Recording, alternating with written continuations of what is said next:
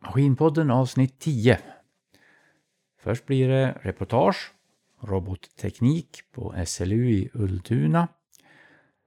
Och så ska vi ta och reda ut lite det här med ljudfrågorna, hur det ligger till med det. Så häng med! Ja,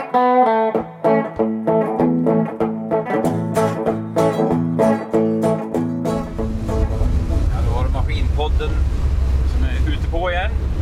Redaktionsbilen, min gamla Volkswagen Transport.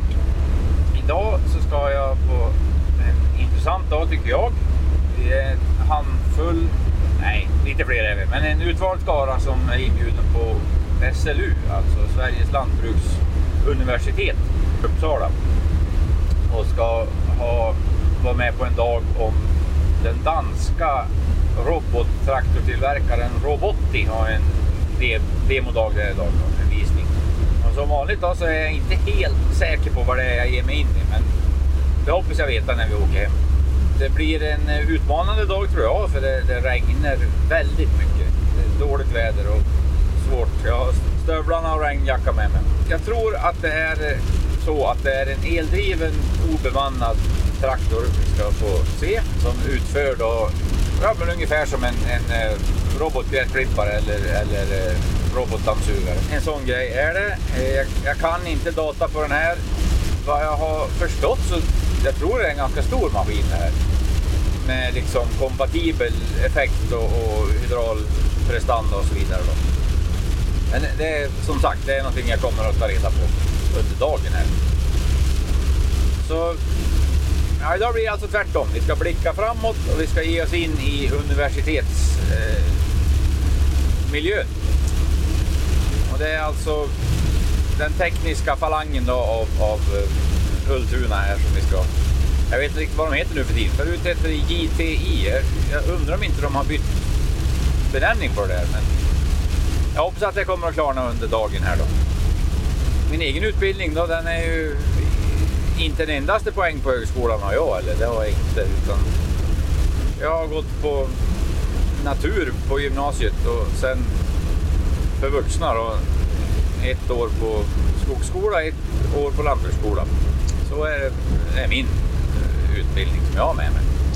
Och sen ett antal genom livet eh, kurser och sånt som, som man förkovrar sig i och förser, förser sig med. Då. Men som sagt, idag ska vi in i, i den akademiska världen på en teknisk nivå. Och det ska bli intressant. Ja,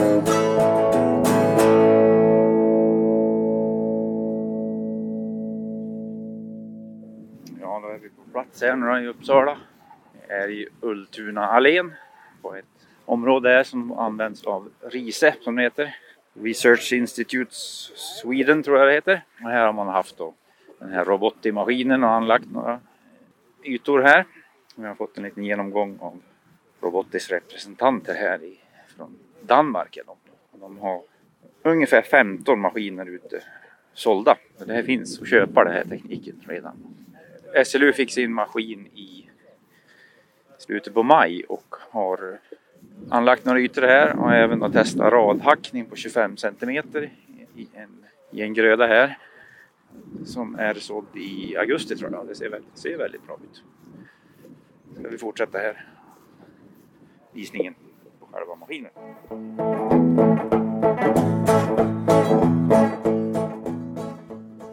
På introduktionen fick vi höra då att Robotti ägnar sig åt eh, att bygga maskiner, alltså dragare och så sen så in redskapsdetaljen utan det, det är samarbete man då med, med de som är bäst på det istället.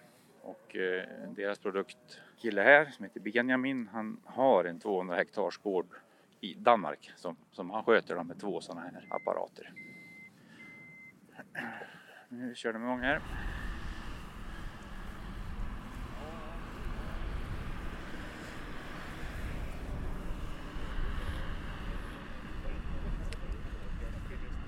Och det här är alltså en dieseldriven apparat här.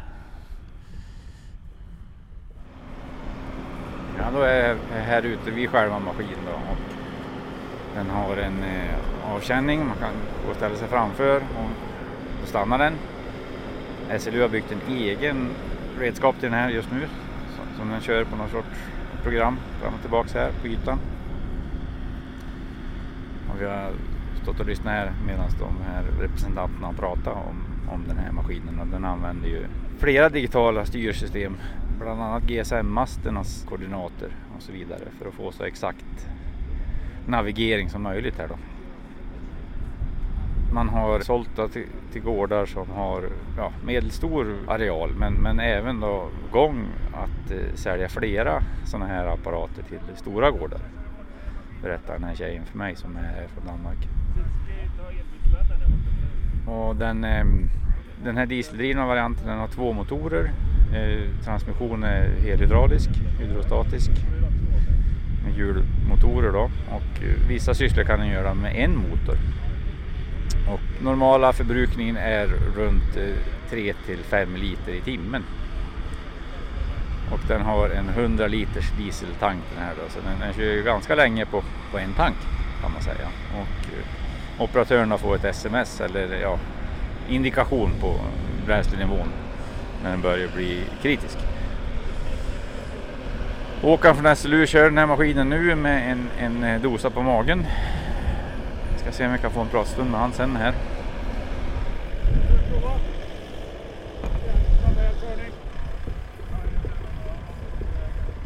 Eh, provkörning här av dosan får man testa. Hej Per på Maskinpodden. Man kan få ett ord med dig kanske? Ja, visst. Ja. Hur känns det idag när du har visningen här? Ja, men det är roligt. Det här är, det finns till för på något vis att ja. visa upp ny teknik. Jajamän. Och du sa i inledningen att ni har hållit på i tre år med hela det här projektet. Just den här detaljen då, som vi ser framför oss nu. Ja, ja det, vi fick ju hit den här maskinen eh, i maj i år. Mm.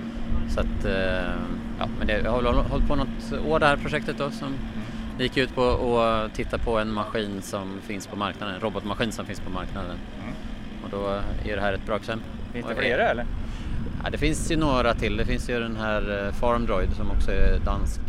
Mm. Eh, men vi tyckte också det var intressant här att man, att man har vanlig trepunktslyft och sådär så man kan köra vanliga redskap och man liksom kan göra mer saker med den helt enkelt. Ja, Jo, de sa ju det i inledningen att de, de satsar inte på redskap utan satsar på den här maskinen, roboten, mm. så får man applicera själv. Och ni fick göra en egen. Eh, den här harven eller hackan här fick ni tillverka själv? Eller? Ja precis, vi kollade runt lite och försökte hitta någon i den här storleken men, men sen kom vi fram till att det var enklast att göra den själva bara. Så. Och det är det som är lite fördelen med en sån här maskin då att den Eh, den har ju väldigt eh, bra, alltså exakt styrning liksom, så att den maskinen håller ju koll på vad den är och kan köra med liksom någon centimeters noggrannhet och upprepat. Så att eh, redskapet behöver inte ha samma intelligens Nej, utan det kan ju bara vara stelt och dumt då eller vad man ska säga. Ja, ja. Så det här är, vi har ju här sått med en vanlig billsåmaskin och sen så har vi kört upp samma, precis samma program fast med den här radhackan. Och Ja, ja, ja, ja precis. Ja, grönan står ju kvar så att vi, ja. det funkade ju bra. Någon typ av framgång var det där då. Ja, precis. Vad tror du är utmaningen för alltså presumtiva ägare, liksom, omställningen i hjärnan eller är det liksom tekniken i sig som är, vad tror du, vad är det som får en köpare att tippa över och slå till om man säger så? Ja, ehm, nej men det är väl när man har eh, ja, men ser en direkt användning för den liksom. Mm. Eh, där man har någonting som behöver göras repetitivt med hög precision eller så. Eh, än så länge så är det ju eh, problem med lagstiftning och säkerhetssystem och sånt där så att mm. det är inte riktigt klart vad som är tillåtet och, och så än. Så, att, nej, så den här maskinen till exempel behöver man ju stå och titta på om man ska följa alla lagar och regler. Då. Ja. Medan sen andra maskiner går väldigt sakta till exempel så att de hävdar att de, de klarar av alla regler och sånt genom, just genom att det går sakta. Då. Mm. Tycks som det är en kamera där framför, men det kanske inte är. Det kanske är ett instrument. Ja, men precis. Det är en, dels så är det en uh, LIDAR som sitter där som liksom lasersensor som känner av så att den inte kör på något. Ja. Men sen är det ju kameror så att man ja, helt enkelt den som är på distans kan se hur, mm. hur det ser ut framför maskinerna. Just det. Och jag vet att de håller på med, med olika sådär med bildigenkänning och så så att man liksom, som en del av säkerhetssystemet liksom, att den ska känna igen om mm. genom människa som rör sig i närheten liksom, att den ska stanna och så.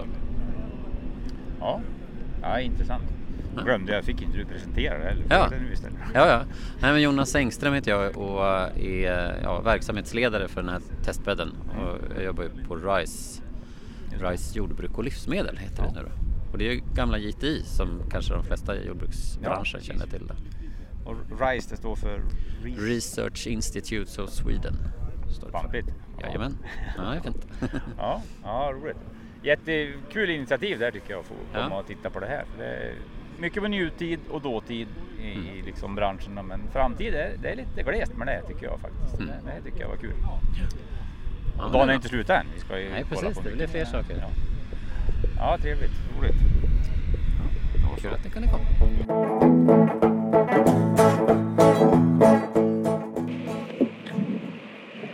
How is the machine working in fields? Uh, it's uh, yeah, it's a good question. So. In the user manual we say not high, more than 12 degrees. Mm. Ja, nu är det en liten frågestund här med Robotis danska representanter då. Brigitte och Benjamin.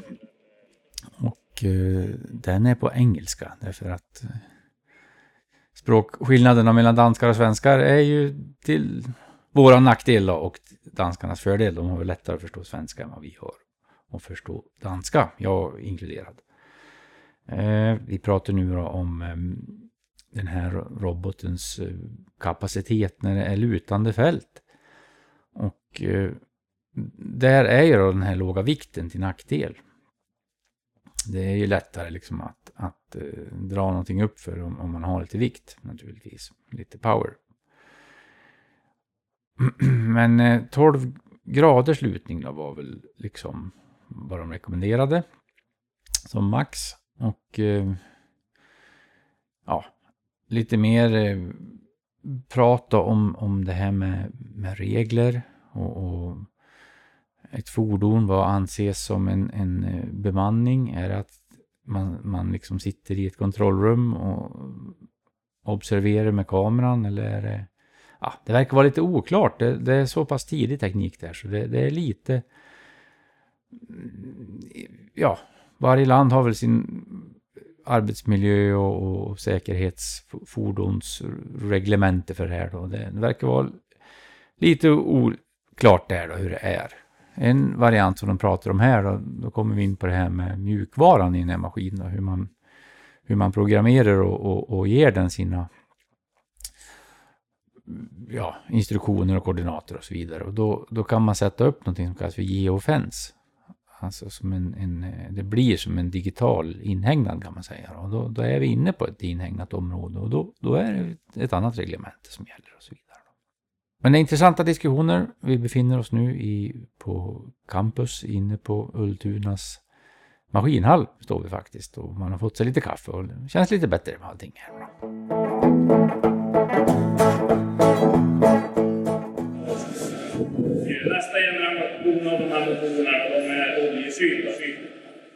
Ja, nu står vi alltså här och lyssnar på Arvid Örde som har byggt en egen, eller egen då. Han har tagit fram då i samarbete med, med RISE och en eldriven variant på det här då. Och det är en ganska kraftig, krallig liten bit det här. En midjestyrd historia. Den, eh, den har fyra typiska traktorhjul då. Och vridande midja och styrande midja. Ska det bli. Och det här är alltså tidigt i det här projektet. Här. Det är, man har inte, den är inte helt klar än. Men den är på gång. En grön och vit. Snygg pjäs är det. Det är tänkt att den här då ska dra saker. Boxerade redskap. Eh, den har fyra elmotorer. A30 kilowatt. Den har namnet Drever 120 eftersom det är 120 kilowatt med 4 430 kilowatt. Den är batteridriven då och här, här är väl lite kanske här känns det hur tidigt ute vi är om man säger så. Då. För här har de alltså kontakt med en batteritillverkare. Och planen är att den här maskinen ska kunna jobba på ett fält, gå ut i kanten och byta batteri själv. Det är liksom en, en laddstation där eller en, ja, om man har kört dit ett set med batterin eller exakt hur det ska funka. Då. Och det håller de på att utveckla nu och batterierna då är i dagsläget och pjäser på 200 kilo styck. Så det, det är ju rejäla grejer, det är det. Jonas Engström då berättade att de höll på att jobba i lag med Malva, skogsmaskinstillverkaren då, och, och utveckla ett batterisystem liknande det här. Vidare så sa de också att de, de är inte klara med liksom styrsystemet och mjukvara, hur, hur, man manövrerar den här maskinen än. Så, så tidigt är det här då. Men de, de har provkört den ute på gården.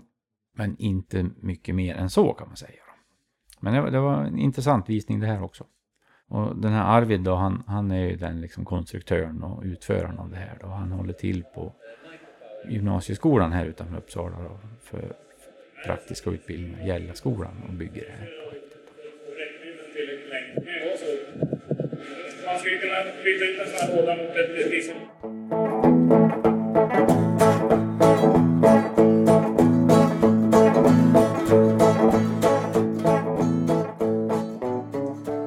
kommer fram till ljudfrågan ska vi ta och reda ut här från plöjavsnittet, avsnitt 8. Där hade vi ju då i potten två av eh, Staffares eh, dimbara ledbelysningar, egna märket där. Och eh, vi kan väl lyssna på den en gång till. Det lät ju så här.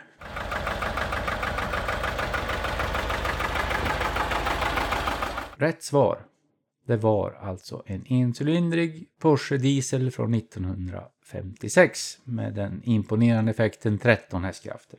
Och rätt där, så när som på årgången, det hade Daniel Burman från Bollnäs. Grattis till dig, du vinner de här lamporna och jag ser jättegärna att när du har monterat dem, att du postar en bild på Maskinpoddens Facebook-sida där. Gå in, sök på Maskinpodden, Tryck på följ såklart. Och så kan du posta där på våran tidslinje. Vi ska ju såklart ha en ny ljudfråga. Tema det här avsnittet det är ju framtiden det. Och då, då, får ni tänka liksom vad har, vad har varit med i den här serien tidigare och så vidare. Så kan ni väl kanske lista ut vad det här är då. Det låter i alla fall så här den här maskinen.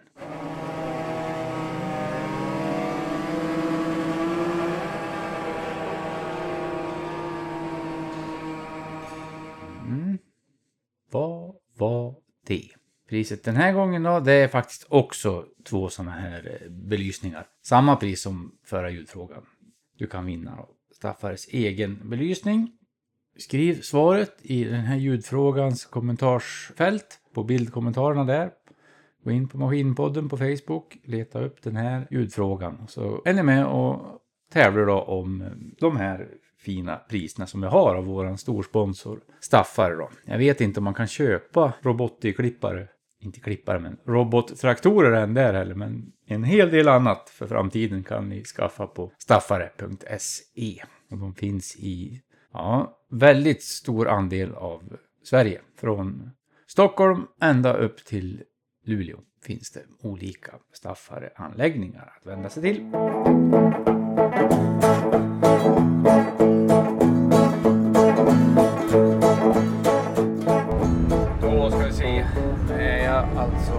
Väg hemåt igen. Och eh, vad har jag sett idag då? Hur har det varit? Jo, vi fick alltså se då den här Robotti-maskinen i in action. Det var ju lite för blött för att jobba med bearbetande redskap idag då. Det, det regnade för mycket för det.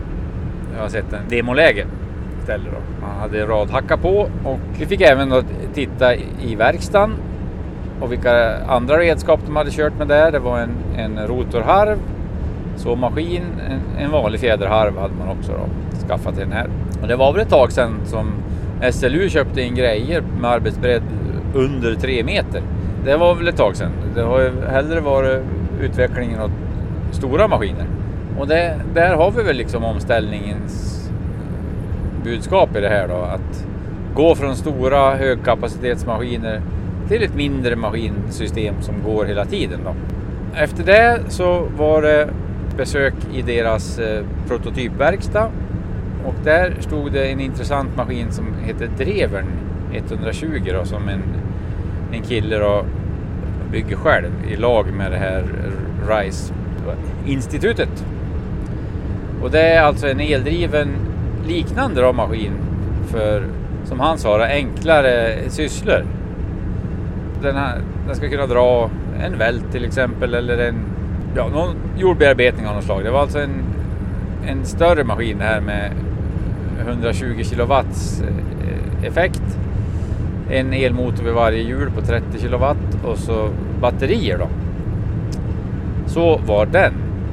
Och hur utvecklingen var med det i framtiden och så vidare. En midi-styrd pjäs det här.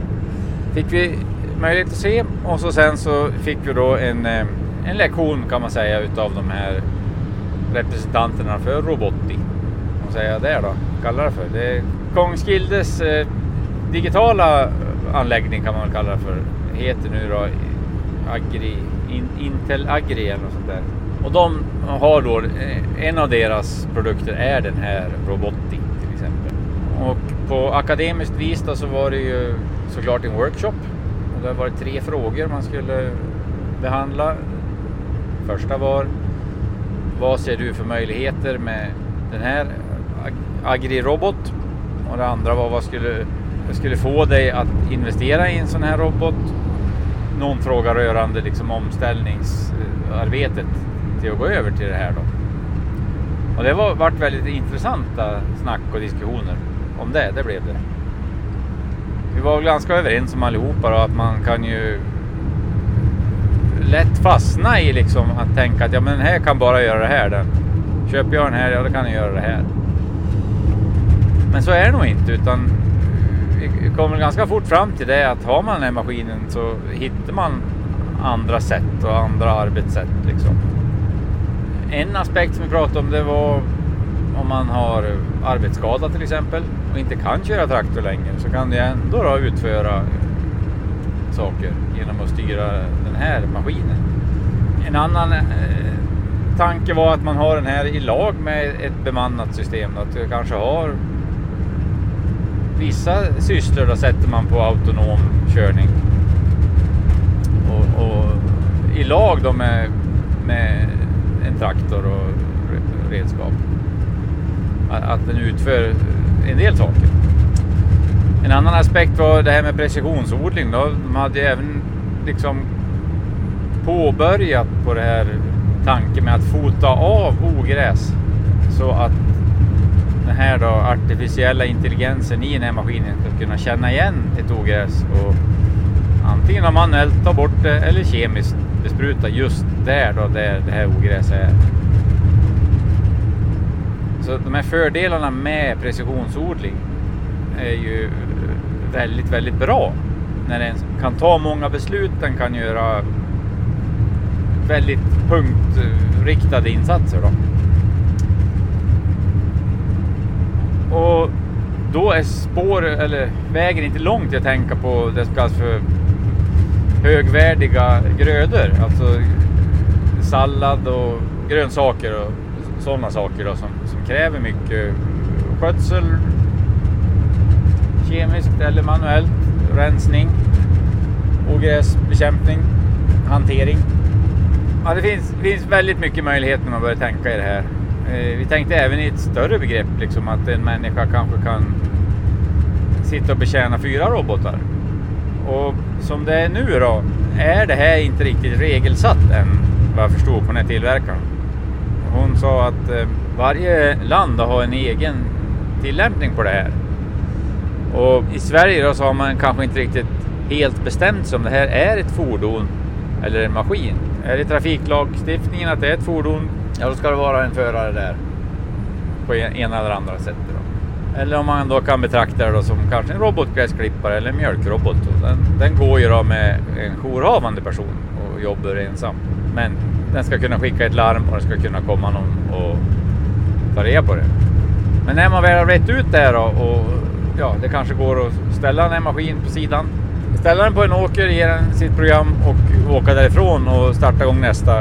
Och till slut så kanske operatören då kan, kan göra någonting annat medans. Och då spar ju den här maskinen då sin körväg, sin data. Och nästa gång du ska dit i den åkern och köra, ja då, då finns allt det där klart.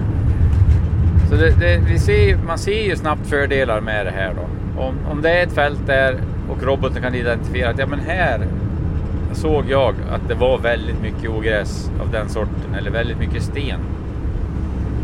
Så kan man sätta in insatser där. Vad gäller ogräs så kan man ju be roboten sätta in insatser där. Eller om du har liksom vad gäller näring, du kan gödsla mer där för här var det det och det förhållande på grödan eller marken. Ja, jag är full av tankar i alla fall och, och glad att jag var med på den här dagen.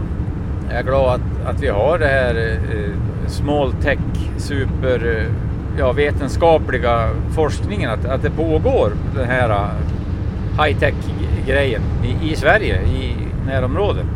Det är väl känslan, även om det känns som att vi är liksom i, i början då. Men om man jämställer det med för hundra år sedan när traktorn kom då, så var det också en, en stor omvälvande händelse. Utvecklingssteg som var stora att ta. Och det var väl också överens om på våran workshop att för många är det ett jättestort steg att ta.